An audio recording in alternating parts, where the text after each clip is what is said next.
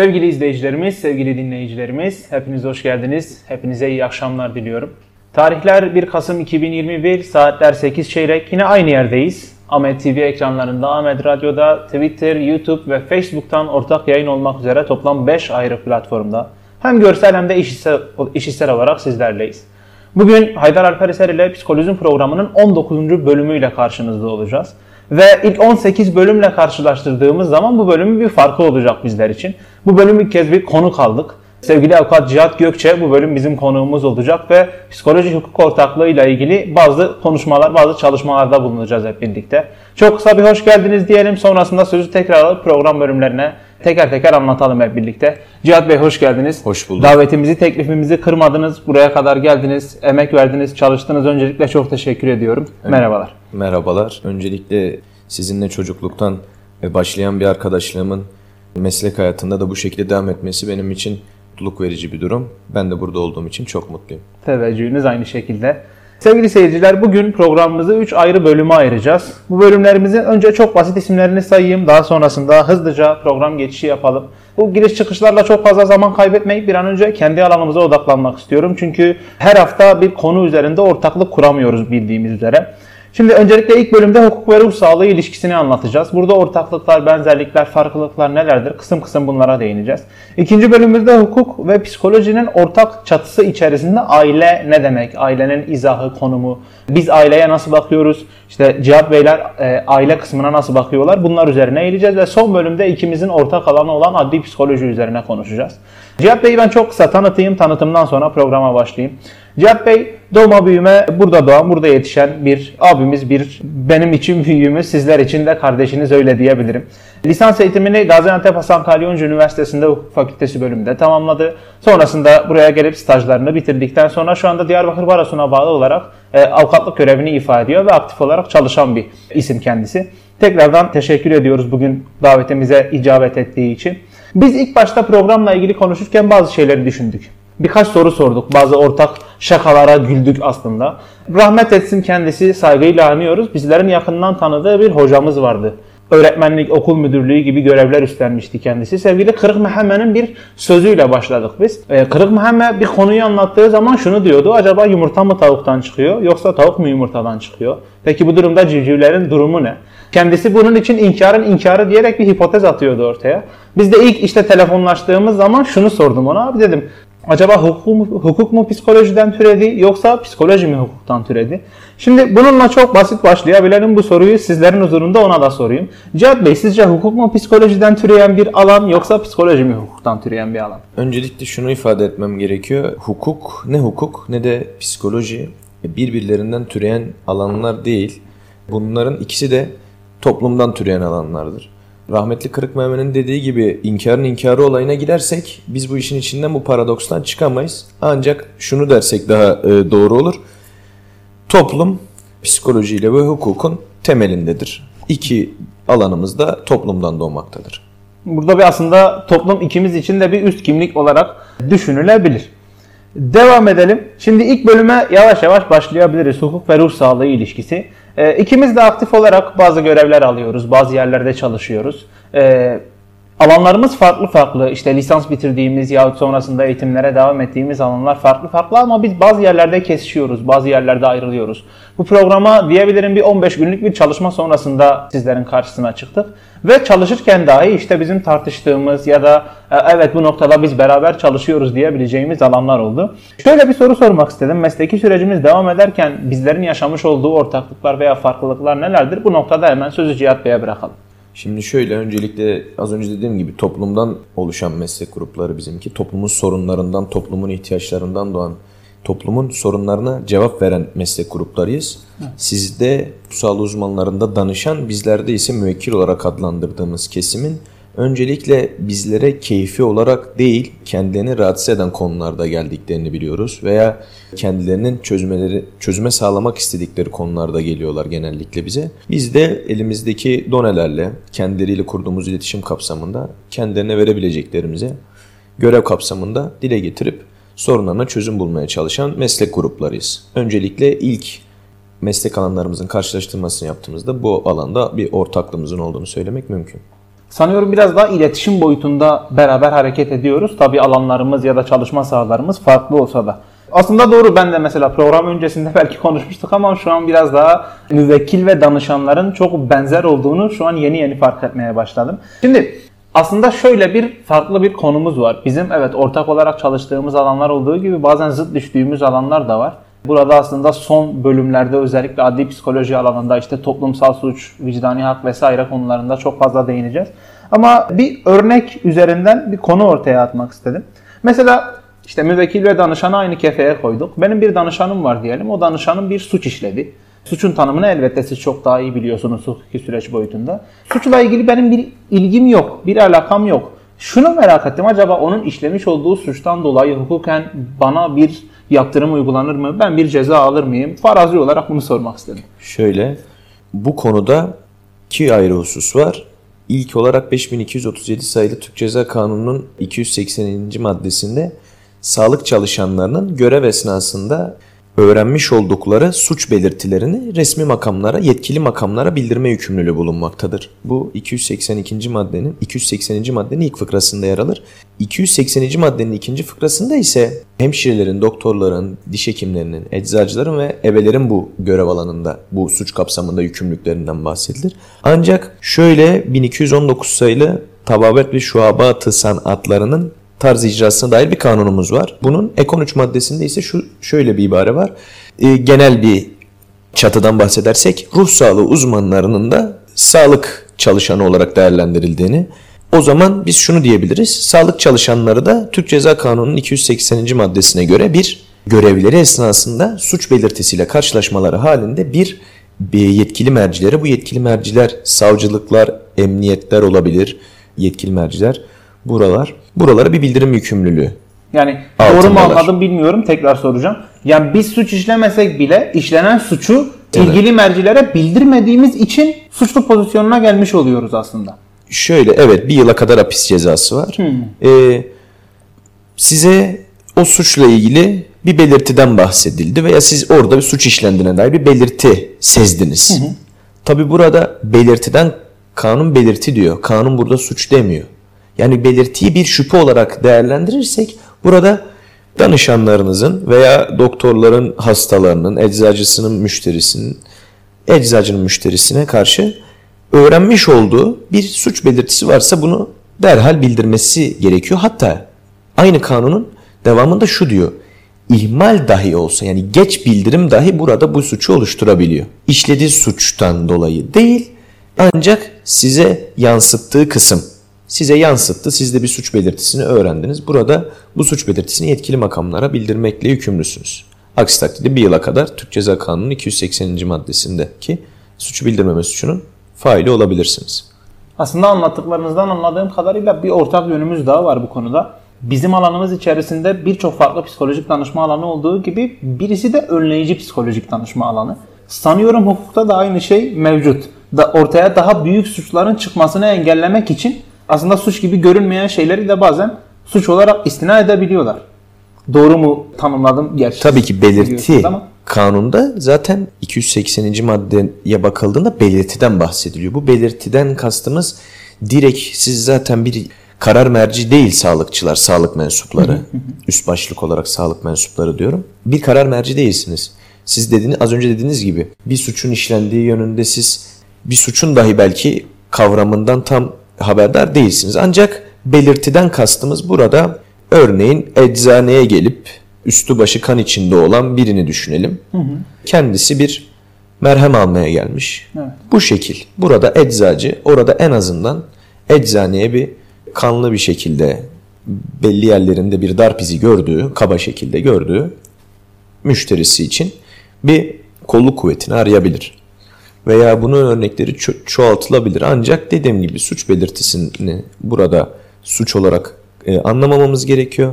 Suç belirtisini gördüğü an sağlık mensuplarının ve bunları açarsak doktor, eczacı, diş hekimi, ebe, hemşire ve sizin gibi ruh sağlığı uzmanlarının bildirim yükümlülüğü var. Bu bildirim Anladım. yükümlülüğünde muhatabı kolluk kuvvetleri, savcılıklar. Bu aslında biraz daha toplumsal düzende nitelikli birer insan ya da norm içerisine yerleşen bir insan olmamızın gereği aynı zamanda yani elzem bir durum.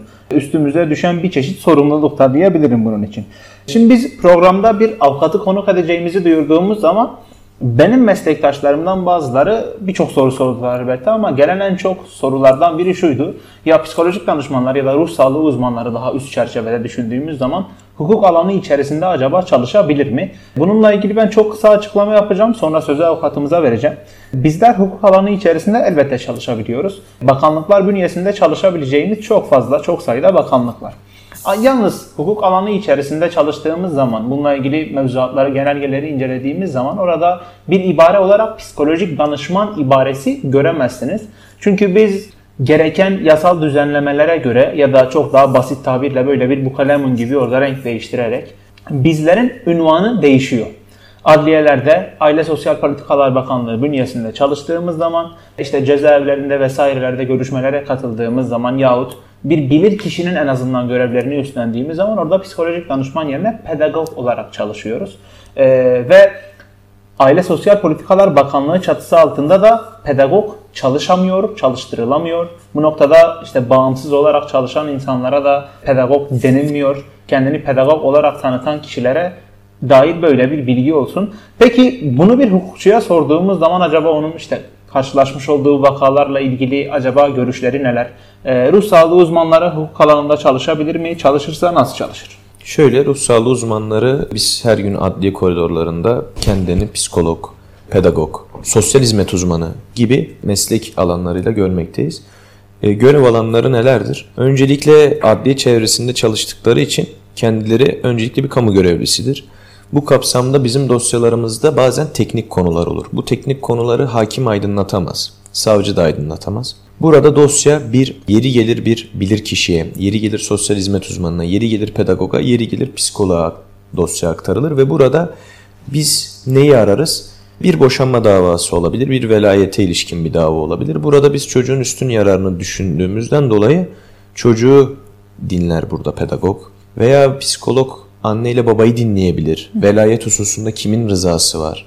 Karşılıklı olarak iki tarafta mı velayeti istiyor yoksa bir taraf mı istiyor? Veya bu velayetin kaldırılmasına ilişkin sebepler ileri sürülmüşse çocuktan da kendisinin ihtiyaçlarının kimin tarafından karşılandığı vesaire buna ilişkin detaylı sorular pedagoglar aracılığıyla alınır. Ya da ceza hukukunda da bu böyledir. Mesela bir 18 yaşını doldurmamış suç şüphesi altında bulunan, suça sürüklenen çocuk deriz biz. Hı hı. E, sanık demeyiz ergin olan, olana kadar biz suç şüphesi altında bulunan çocuklara. Bunların ceza ehliyetlerini araştırırken yine bu ceza ehliyetin tespitini avukatın, savcının, hakimin yapabilmesi mümkün değildir. Burada dosya yine bir adli tıp kurumunda ilgilisine, ruh sağlığı uzmanlarından birine tevdi edilir ve bu rapor beklenir. Biz bu raporu da ATK, Adli Tıp Kurumu'nun raporu, düzenlediği raporu bekleriz. Burada biz keza yine hukuk davalarında, yine ceza dosyalarında sosyal inceleme raporları da beklenir. Çocukların evet. ayırt etme güçleri var mı? Bu dediğinizi lisans hayatımdan ben de hatırlıyorum. Kısaca buna SIR diyorduk hatta. Evet, evet. Evet, devam edebilirsiniz. Buyurun. Yani sosyal inceleme raporları burada bir dosyada ceza dosyası veya hukuk dosyasında bu dosyaların akıbeti açısından önemli. Hı hı. Yeri geliyor itiraz ederiz, yeri gelir lehimize gelir veya bir tarafın lehine gelir, bir tarafın aleyhine gelir. Aleyhine gelen taraf itiraz edebilir. Ancak sosyal inceleme raporu da zaten bir kanunla hukuk sisteminde yer alan bir rapor ve yargılamaların sağlığı açısından yeri geldiğinde dosyadaki en kritik konu olabilir, konu olabilen bir husustur evet. sosyal inceleme raporları. Aslında bu noktada topu biraz daha eğitimi okullara atabiliriz. Çünkü birçok kesim yani bizim alanımızdan çıkan birçok kesim sonrasında eğitim kurumlarında çalışıyorlar ve okul psikolojik danışmanı, danışmanı olarak görev alıyorlar böyle yerlerde. Okullardaki öğrencilerle ilgili böyle bir şey çıktığı zaman da bu defa okul psikolojik danışmanının bu noktada bilgilendirme yapması gerekiyor. Hı. Aksi takdirde hani memurluk görevine kadar bir son vermeye kadar gidebiliyor. Bununla ilgili bize çok böyle korkunç, çok uç noktada örnekler anlatılıyordu ki konuyu çok daha net kavrayabilelim. Konuşmanızda bizlerin sizin sahanızda çalıştığı zaman bir kamu görevlisi vasfıyla çalıştığını söylediniz. Sizin alanınızda çalışan avukatlarla ilgili bir sorum olacak. Acaba avukatlık kendi içinde bir kamu görevlisi olarak mı geçiyor? Yani kamu görevlisinin tanımı nedir tam olarak? Böyle öncelikle e, kamu görevlisinin tanımı 5237 sayılı Türk Ceza Kanunu'nun 6. maddesinin birinci fıkrasında yer almaktadır. Hı hı. kamusal faaliyetlere atama seçilme yoluyla ya da süreli süresiz şekilde geçici de olsa, süreli de olsa, sürekli de olsa bir şekilde katılan her kimse kamu görevlisi olarak düzenleniyor. Ancak avukatların kamu görevlisi olup olmadığı yönünde ciddi tartışmalar var. Keza yine 1136 sayılı avukatlık kanunun birinci maddesine avukatlık bir kamu hizmetidir der. Ve serbest bir meslek alanıdır der. Ancak ben avukatların yine de zorunlu müdafi, zorunlu vekil ya da adli yardım, barolarımıza bağlı adli yardım bürolarından tarafımıza tevdi edilen dosyalarda kesinlikle bir kamu görevi ifa ettiğini düşünüyorum. Haricen yine Türk Ceza Kanunu'nun 6. maddesinin 1. fıkrasında yine kamu görevlisinin tanımı yapılmış. Geçici olarak dahi olsa, sürekli de olsa, süresiz de olsa, geçici olarak dahi biz sonuç olarak bir kamu görevi, yargı faaliyetlerinin içerisindeyiz. Bu konuda avukatların da kamu görevlisi olduğunu söyleyebilmek mümkün ancak gör, görülen muamele biraz farklı. Yani daha çok adliye personellerinden daha bağımsızız. Yani daha farklı bir statüdeyiz. Her ne kadar teorikte bunu söyleyebilmek mümkün olsa da yargı faaliyetleri üzerinden kamusal faaliyetlere iştirak etsek de ancak bunun biraz pratikte avukatların biraz daha bağımsız avukatlık kanunu madde 1'deki gibi serbest meslek erbabı olduğunu söyleyebilmemiz daha doğru olacaktır. Yani kamu için dediğimiz şeyler elbette doğru ancak iki meslek grubunun da topluma bir fayda sağlama amacıyla görevini ifa ettiğini söyleyebiliriz. İlk bölümü az çok bitirdik. Yine devam edelim kesinti vermeden. Şimdi biz hukuk ve psikoloji alanlarında ortak olarak çalıştığımız bazı yerleri incelemek istedik ve işte öğrenciler, ebeveynler vesaireler derken konu çiftlerden bir tık üst noktaya geldi ve toplumun bizler için en küçük yapı taşı sayılabilen aileye geldi. Bu noktada iki alan içerisindeki ortaklıktan ailenin konumu, ailenin şekli yahut sürecin nasıl işlediği ile ilgili bazı şeyleri konuşmak istiyorum. Şimdi 2019 itibariyle biz birçok noktada değişimler yaşadık özellikle pandemi döneminden sonra ve hala da bu değişiklikleri kısmen azalsa da yaşıyoruz, devam ediyoruz. Sosyal medya ile ilgili çok ciddi bir patlama yaşadık bu noktada ve sosyal medyadan e, işte tanışmaların, görüşmelerin vesairelerin hatta bunların aile kurma yoluna kadar da gittiğini gördük. Peki medyatik bakımdan düşündüğümüz zaman bunun aile üzerindeki etkileri neler? Ya da bununla ilgili olumlu olumsuz özelliklerin hukuki boyutu neler acaba? Şöyle öncelikle gerek pandemi süreci gerek pandemi sürecinden de önce bildiğiniz üzere her sene çeşit çeşit teknolojik ürünler ortaya çıkıyor. Teknolojik ürünler üzerinden biz sosyal medya, sosyal yani sosyal medya üzerinde dünyaya açılıyoruz. Evet. Bunun tabii ki fazla iyi yanı var. Çok fazla iyi yanı var. Ancak bizim bunu sınırlamamız gerekiyor. İşimizle ilgili sınırlamamız gerekiyor. İşten sonra bununla pek ilgilenmemiz veya ilgileniyorsak da bir hobi olarak, süreli olarak ilgilenmemiz gerekiyor. Ve bizim yine bunları istediğimiz kadar iş, hobi, zorunluluk çerçevesi kullanmamızın yanı sıra bunların yanı sıra ailemize de vakit ayırmamız gerekiyor. Ve bu aile de olmayabilir. Başka şehirde olur ailemiz. Yine e, başkalarına vakit ayırmamız gerekebilir. Özel hayatımız var. Yine sosyal olarak bir çevremiz var. Ancak biz bazen bu sosyal medya araçlarına öyle bir bağımlılık gösteriyoruz ki biz burada artık tek yani yalnızlığın da yalnızlığını yaşıyoruz. Çok spesifik bir tanım var bu konuyla ilgili. Yalnız kalmamak için o kadar çok uğraşıyoruz ki o uğraş bizi yalnızlığa itiyor aslında. Kesinlikle yani sosyal medyada da aslında biz yalnızlıktan kaçtığımız için sosyal medya araçlarına yöneliyoruz. Amacımız yine kendimizle kalmamak. Ancak bunun sınırlarını aştığımızda bizim burada artık ailemizle, sevdiklerimizle, çevremizde bir ilişki bağ kuramadığımızda sonuçta insan sosyal bir varlıktır.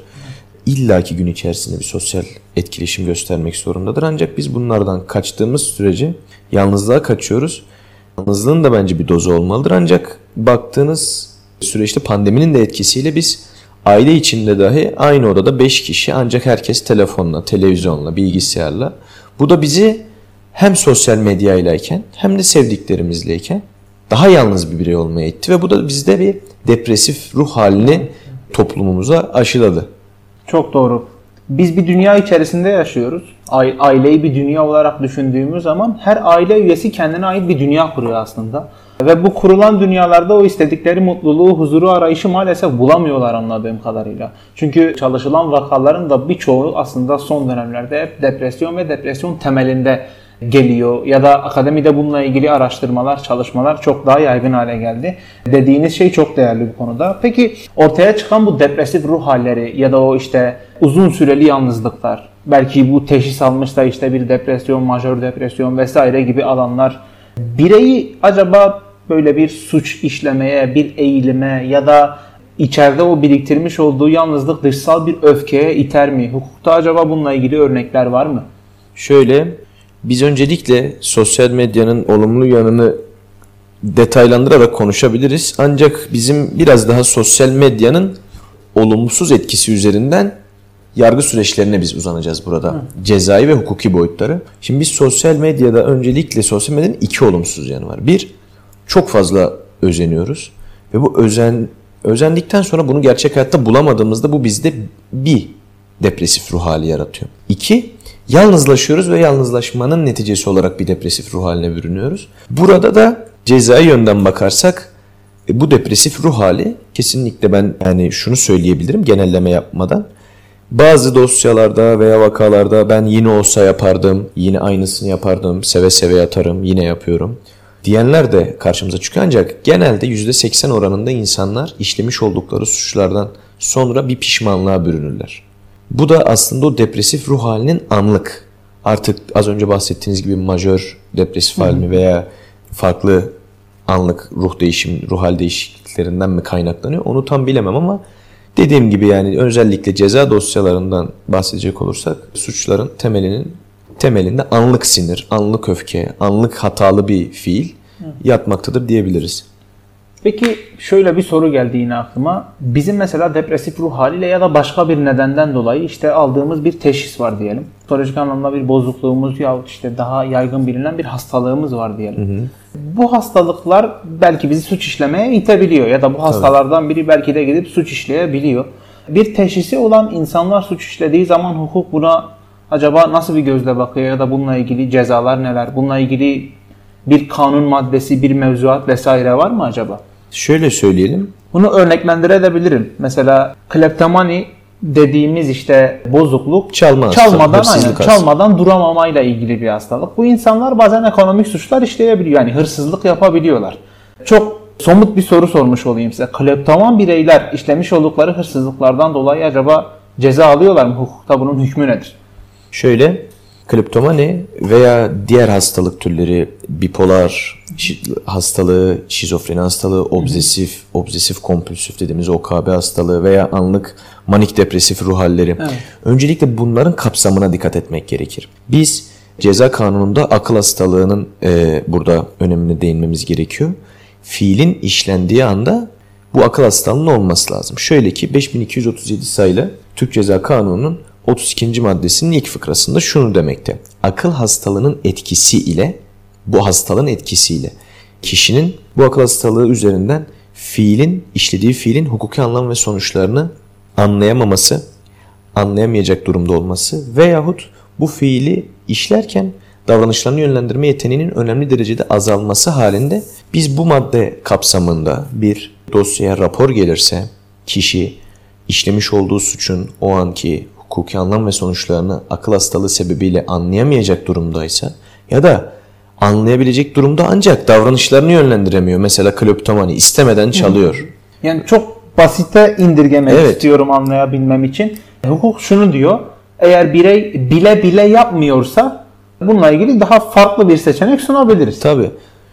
Akıl hastalığında biz dediğim gibi bu hususta ceza vermiyoruz. Ceza verilmesine yer olmadan yönelik bir karar verip burada güvenlik tedbirine hükmediyoruz. Hı hı. Ancak yine aynı kanunun aynı maddesi ikinci fıkrasında ise bu akıl hastalığı sebebiyle kişinin fiili işlemiş olduğu anda davranışlarını yönlendirme yeteneğinde kısmi bir azalma olması. Yani kısmi bir akıl hastalığı. Hı hı. Yani önemli olan burada biz hep toplumda şunu deriz. Şizofrenler çok tehlikelidir.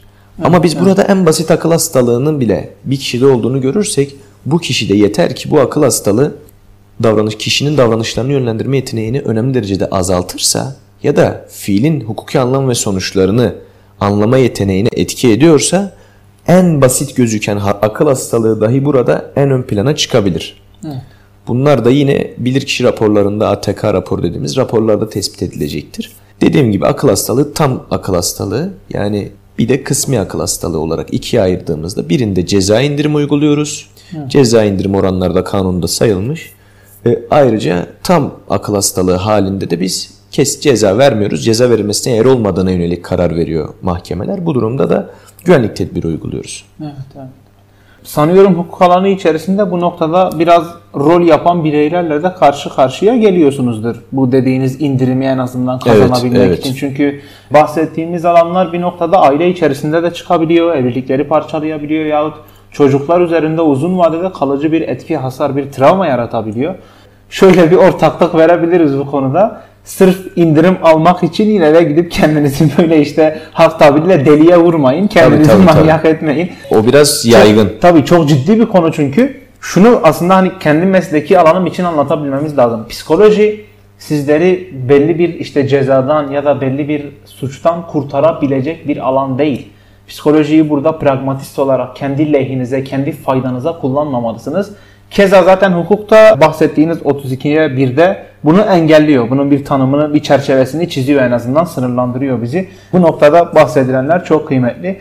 Aslında ikinci bölümü de bitirmiş olduk böylece. Şimdi üçüncü bölüm programın aslında asıl konusu olarak bahsetmemiz gereken yerlerden birine geçeceğiz.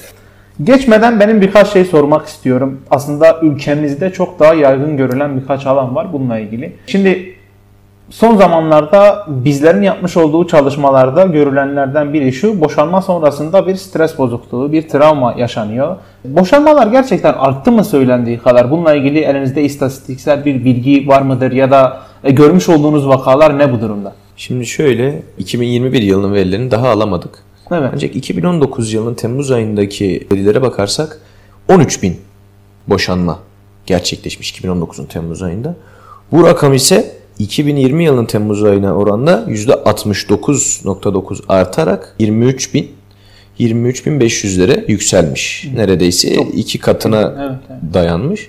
Yani burada artık yine az önce belirttiğimiz gibi teknolojinin olumsuz yönleri mi desek veya aile içinde teknolojinin gelişmesi veya hayatın artık yeni bir kendini bir yeni bir konuma getirmesinden dolayı mevcut evliliklerin eski usullerle yürüyememesinden kaynaklı mı bu artış? Bu tartışılır. Tabii ki. Ancak belirttiğimiz gibi istatistik olarak 2019'un Temmuz ayından 2020'nin Temmuz ayına kadar %69'luk bir artış mevcut. Boşanma çok, çok ciddi bir rakam. vakaları. %69 çok çok ciddi bir rakam. Sadece ismen bununla ilgili sizden bir şey isteyeceğim. Bunların sebeplerini sayabilir misiniz en azından şöyle birkaç tanesini?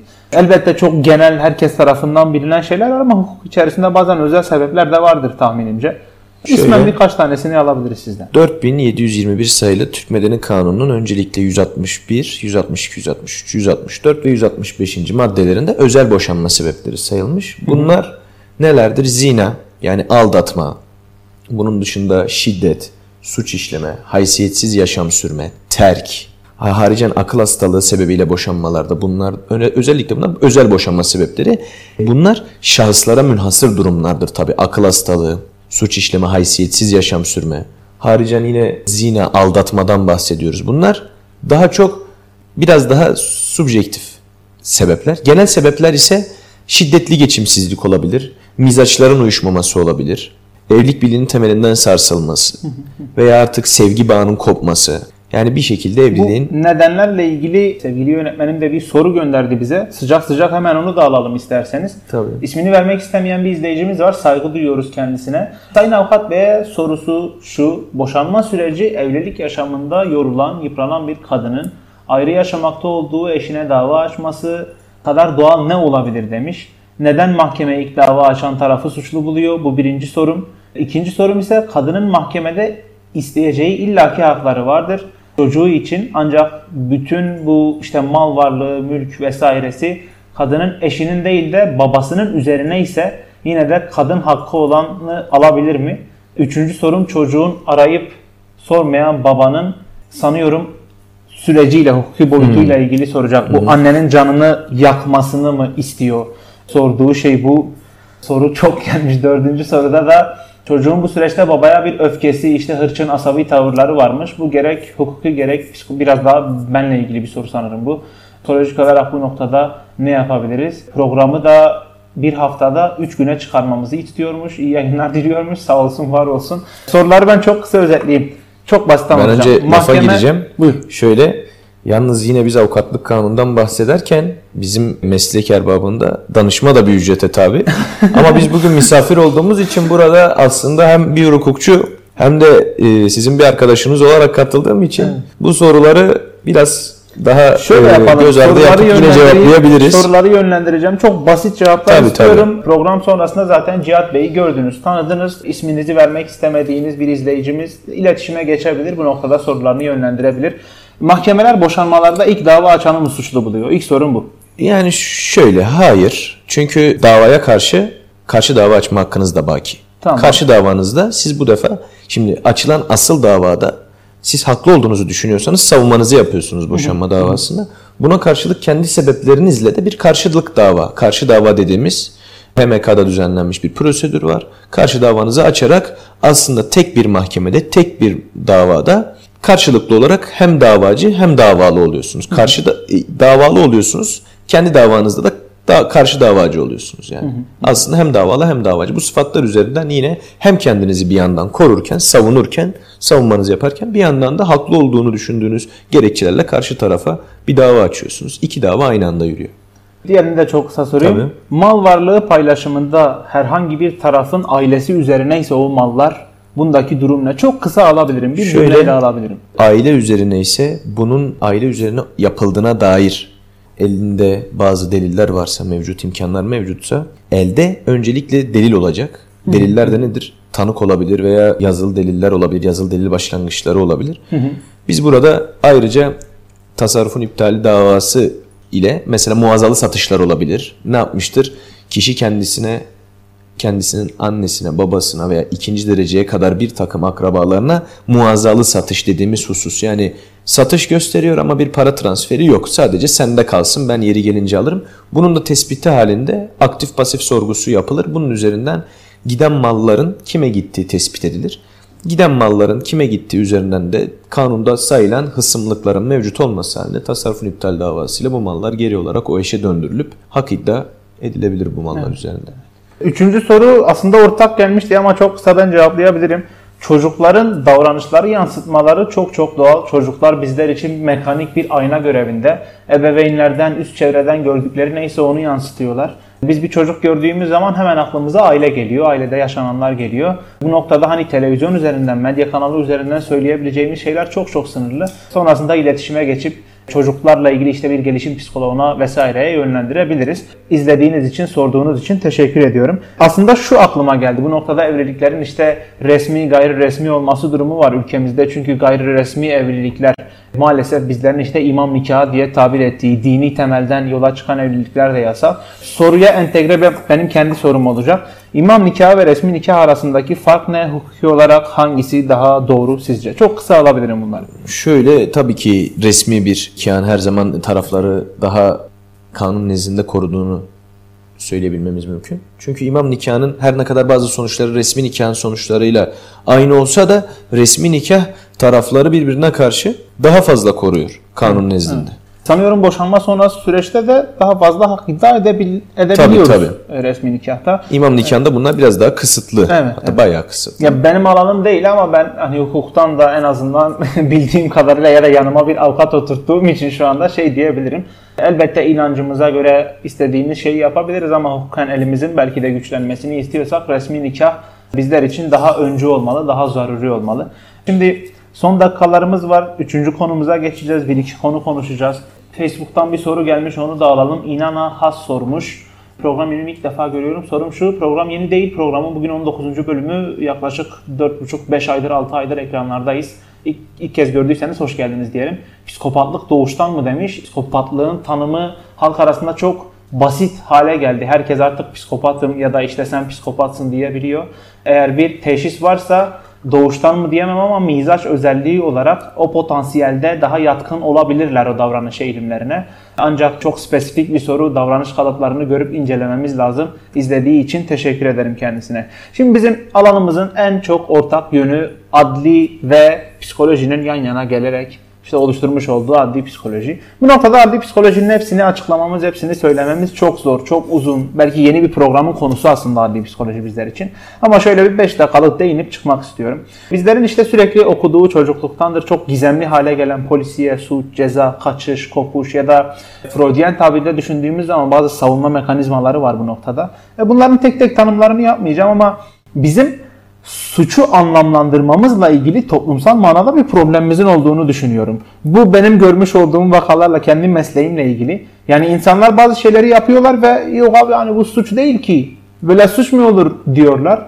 Toplumsal manada bizim suç eşiğimizin ben bir noktada yükseldiğini, bu artık yaşadıklarımızdan mı ilgili, neyle ilgili tam olarak bilmiyorum ama hukuki bir görüş almak istiyorum. Toplumsal suç eşiğimiz sizce yüksek mi? Suçu biz ne olarak biliyoruz? Daha doğrusu suçu biliyor muyuz?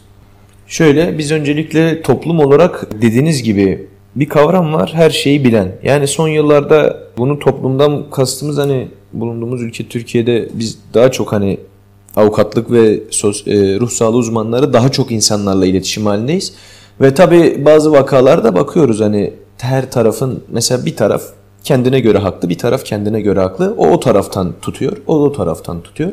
Ama bizim öncelikle gerek bir toplum olarak son zamanlarda da Alper Bey dikkat ettiğiniz üzere biz bakıyoruz e, sokak röportajlarında hepimiz siyaseti çok iyi konuşuyoruz. Evet. Parti ayrımı gözetmiyorum. Yani A, B, C, D tüm partilerin taraftarları çok güzel konuşuyor. Yani hatta çok güzel övüyorlar, çok daha güzel iyi. yeriyorlar. Çok medyatik boyuta Tabii. geliyor bunlar. Hatta biz yeri geliyor onları partiler partilerdeki şahıslardan daha böyle övmeye çalışıyoruz. Evet, yani bakıyoruz daha güzel konuşuyorlar. geliyor, Tabii tabii doğru. daha doğru konuşuyorlar.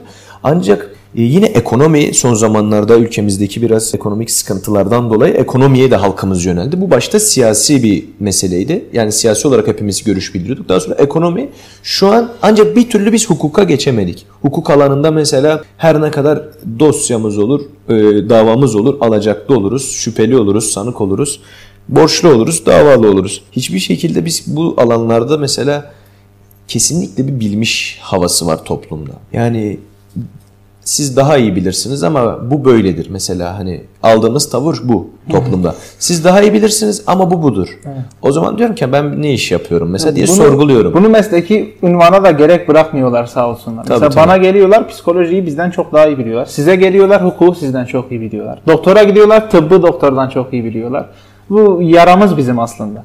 Tabii aynısını abimle de bazen sohbet ediyorum. Kendisi doktor şu an hani diyor ki ben antibiyotik mesela yazmak istemiyorum diyor. Ya diyor ki yaz. Hani abim şey diyor hani öksürmesi daha iyi belli bir açıdan. Hani ciğerler temizlenince. Dün sohbet ettik bu arada.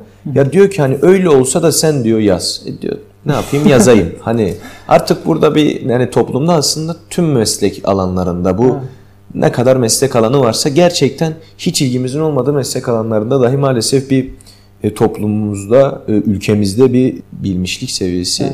Yani aslında bilmemişlik ama bir bilmişlik Şey diyebilirim. fazla. Bizde teşhis koyma problemi var. Mesela doktora gittiğimizde kendi teşhisimizi kendimiz koyuyoruz. İşte psikoloğa gidiyoruz, bakıyoruz. Kendi hastalığımızı kendimiz koyuyoruz. Ya da hukuka geldiğimiz zaman da kendi suçumuzun ne olduğunu kendimiz belirliyoruz. Biraz çıkarım yapmak istedim aslında. Biz toplumsal olarak belki de suça meyilli değiliz de suçun ne olduğunu bilmiyoruz ve yaptığımız şeyin çerçevesini çizemiyoruz belki de. Doğru mu bu dediğim acaba? Yani toplum olarak dediğim gibi biraz hepimiz diyoruz ki ama şu ama bu aslında bizim hukukta şöyle bir durum var. Usul esastan her zaman üstündür. Şöyle usulü kurallar vardır bazen kanun esasında haklı olsan dahi bu usulü kurallara uyacaksınlar. Bu usulü kurallar e, süreler olabilir vesaire bunu genişletebiliriz. Ancak dediğim gibi usulü biz toplumumuzda bir, biraz eksik biliyoruz Türkiye'de. Esasta haklı da olsak daha sonra bazen sınırı aşarak kendimizi haksız duruma getirebiliyoruz ve usulünü bilmediğimiz için aslında usulünü bilsek esasta belki kendimizin çözeceği bir problemi yeri geliyor ruh sağlığı uzmanı, yeri geliyor doktor, yeri geliyor mühendisten bilgi almadan, danışmadan kendimiz çözmeye kalkıyoruz ama hep bunun altında kalıyoruz. Aslında toplumla ilgili çok söylememiz gereken çok şey var. Sevgili yönetmenim Ferhat Mehmetoğlu da karşıdan çok fazla sorunun geldiğini program için ancak süremizin yavaş yavaş sona erdiğini söyledi. Ben şöyle bir 15-20 saniyelik son bir söz hakkı vereceğim. Toplumla ilgili bu kadar konuştuk.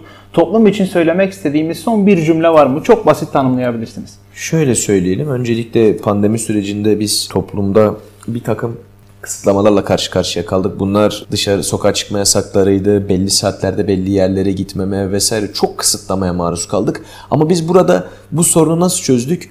İlk olarak şu anki sürecimizde tartışılabilen bir konu. Tabii aşıyla çözdük biz bunu. Evet. bir doz, iki doz, yeri geldi üç, dördüncü dozlu olanlar oldu. Biz de toplumda yine tedbirler devam ediyor. Mesela yine maske takıyoruz veya elimizi yıkıyoruz. Şahsi tedbirler veya toplumsal tedbirler veya yasalaşmış tedbirlerimiz var.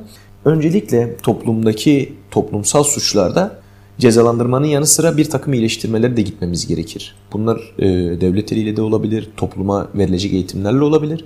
Bizim öncelikle sonuç olarak her ne kadar katı kurallar veya cezai müeyyideler uygulamamızın yanı sıra bir takım toplumsal iyileştirmelerle de, rehabilitelerle de toplumsal suçları öncelikle çözmemiz gerekir. Aslında burada suçludan ziyade suça biraz daha eğilmemiz gerektiğini anlıyorum. Sevgili seyirciler ilginiz, ilgileriniz, sorularınız için çok çok teşekkür ediyorum. Bugün 19. bölümü sizlerle birlikte geride bıraktık. Bölüm konuğumuz sevgili avukat Cihat Gökçe'ydi. Kendisine tekrardan katıldığı için sevgilerimizi sunuyoruz. Haftaya aynı gün, aynı saatte 20. bölümde sizlerle olmak istiyoruz. O zamana kadar görüşene dek sağ olun, var olun. Cümleten iyi akşamlar.